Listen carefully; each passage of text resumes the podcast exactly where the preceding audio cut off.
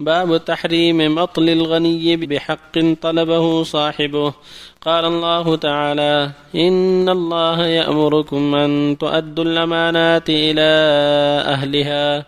وقال تعالى فإن أمن بعضكم بعضا فليؤد الذي ائتمن أمانته.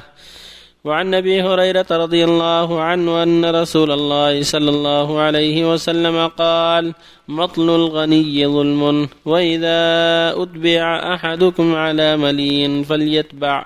متفق عليه.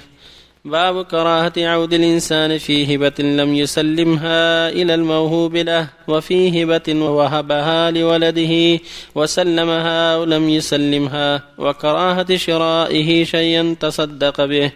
من الذي تصدق عليه أو أخرجه عن زكاة أو كفارة ونحوها فلا بأس بشرائه من شخص آخر قد انتقل إليه. عن ابن عباس رضي الله عنهما أن رسول الله صلى الله عليه وسلم قال الذي يعود في هبته كالكلب يرجع في قيئه. متفق عليه. وفي رواية مثل الذي يرجع في صدقته كمثل الكلب يقيء ثم يعود في قيئه فيأكله.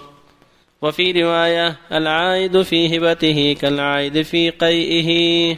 وعن عمر بن الخطاب رضي الله عنه قال حملت على فرس في سبيل الله فأضاعه والذي كان عنده فأردت أن أشتريه. وظننت أنه يبيعه برخص فسألت النبي صلى الله عليه وسلم فقال لا تشتره. ولا تعد في صدقتك وإن أعطاكه بدرهم فإن العائد في صدقته كالعائد في قيئه. متفق عليه. بالله التوفيق. الحمد لله وصلى الله وسلم على رسول الله وعلى آله وأصحابه من اهتدى بهدى أما بعد. الحديث الأول بعد آيتين فيما يتعلق بمطل الغني.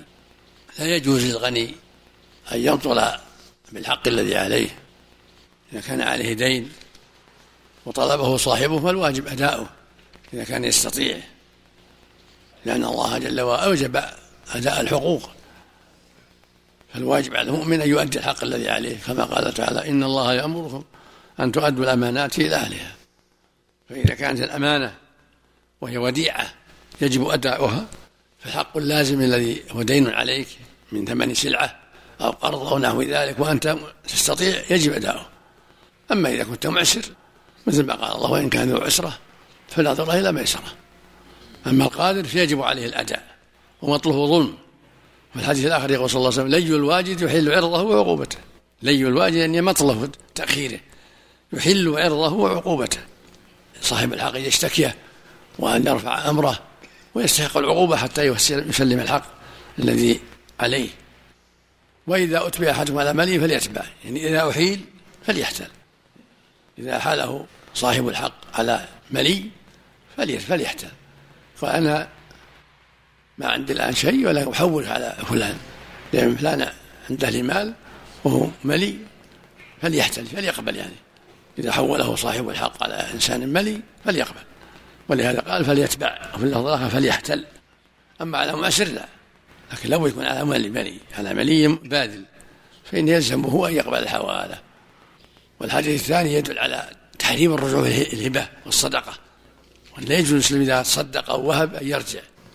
يقول صلى الله عليه وسلم العائد هبته كالكلب يقي ثم يرجع في قيه يقول لعمر رضي الله عنه لما حمل على فرس في سبيل الله يعني أعطاها إنسان يجهد عليها عطى فرآه قد سهل فيها فظن أنه يبيعها برخص. فسأل النبي صلى الله عليه وسلم عن ذلك هل يشتري؟ هذه الفرس التي قد بذلها في سبيل الله وقد صدق بها؟ قال لا تشتري. ولو أعطاكه بدرهم. فإن العائد في هبتك العائد في قية.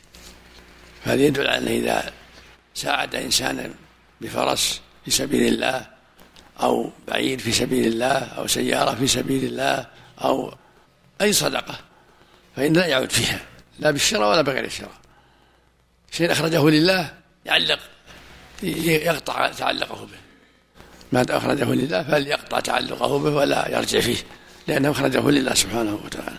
وفق الله الجميع. أحسن عملكم هل يلزم الحوالة إذا كان من جنس آخر كان له مثلا نقود وحاله مثلا بغنم مثلا قال تأخذ من فلان غنم يلزمها؟ ما يلزم مثل مثل ما مثل حقه. إذا حاله مثل حقه.